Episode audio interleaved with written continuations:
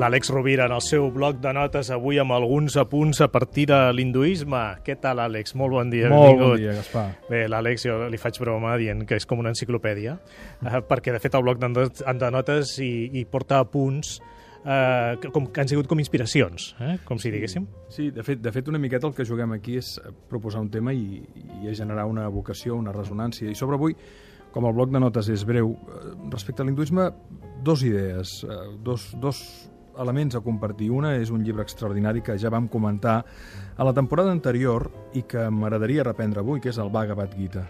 Concretament, als lectors que els interessi, hi ha una edició que va fer l'editorial Kier, que és una editorial argentina, i que es poden trobar llibres en, en llibreries de vell, en llibreries de segona mà, que estan molt bé. Aquesta edició del Bhagavad Gita és extraordinària, i el que ens ve a dir el Bhagavad Gita és que en l'acció està la no acció i en la no acció està l'acció, que no ens podem lliurar de no fer i que al final la vida passa per triar en consciència i que qualsevol tria que tinguem implicarà un guany i una pèrdua.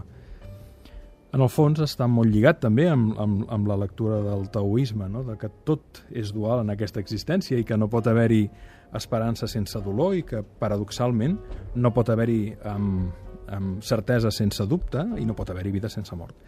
No vull desvetllar l'argument del Bhagavad Gita, però és una lectura molt inspiradora, molt bonica i que val molt la pena. Llavors hi ha una doctrina de l'hinduisme a la qual fèiem referència abans, que és el Vedanta Advaita, del qual tu també n'has après algunes lliçons.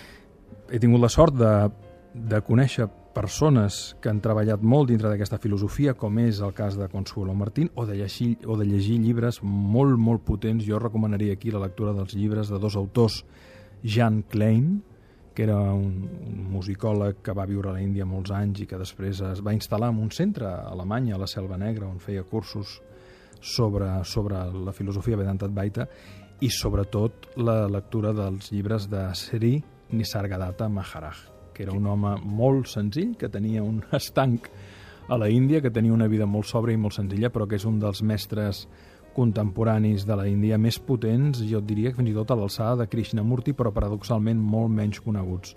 Les obres de Nisargadatta Maharaj val molt la pena llegir-les perquè són com, com un cop de martell al conjunt de la percepció i del sistema de creences que tenim els occidentals. No? Eh, bàsicament es, podríem aproximar-ho des de moltes vessants, però ell ens ve dir que mirem d'observar la realitat sense conceptualitzar, que moltes vegades la conceptualització l'etiquetació, el posar paraules, ens allunya d'allò que és real. No? Si tu mires un arbre i dius això és un arbre, i si tu mires un paisatge conegut i aquell paisatge conegut l'etiquetes, no et podràs sorprendre per ell, no el podràs mirar d'una manera diferent, no podràs descobrir noves coses perquè tendiràs a cristal·litzar, a cristal·litzar aquesta experiència.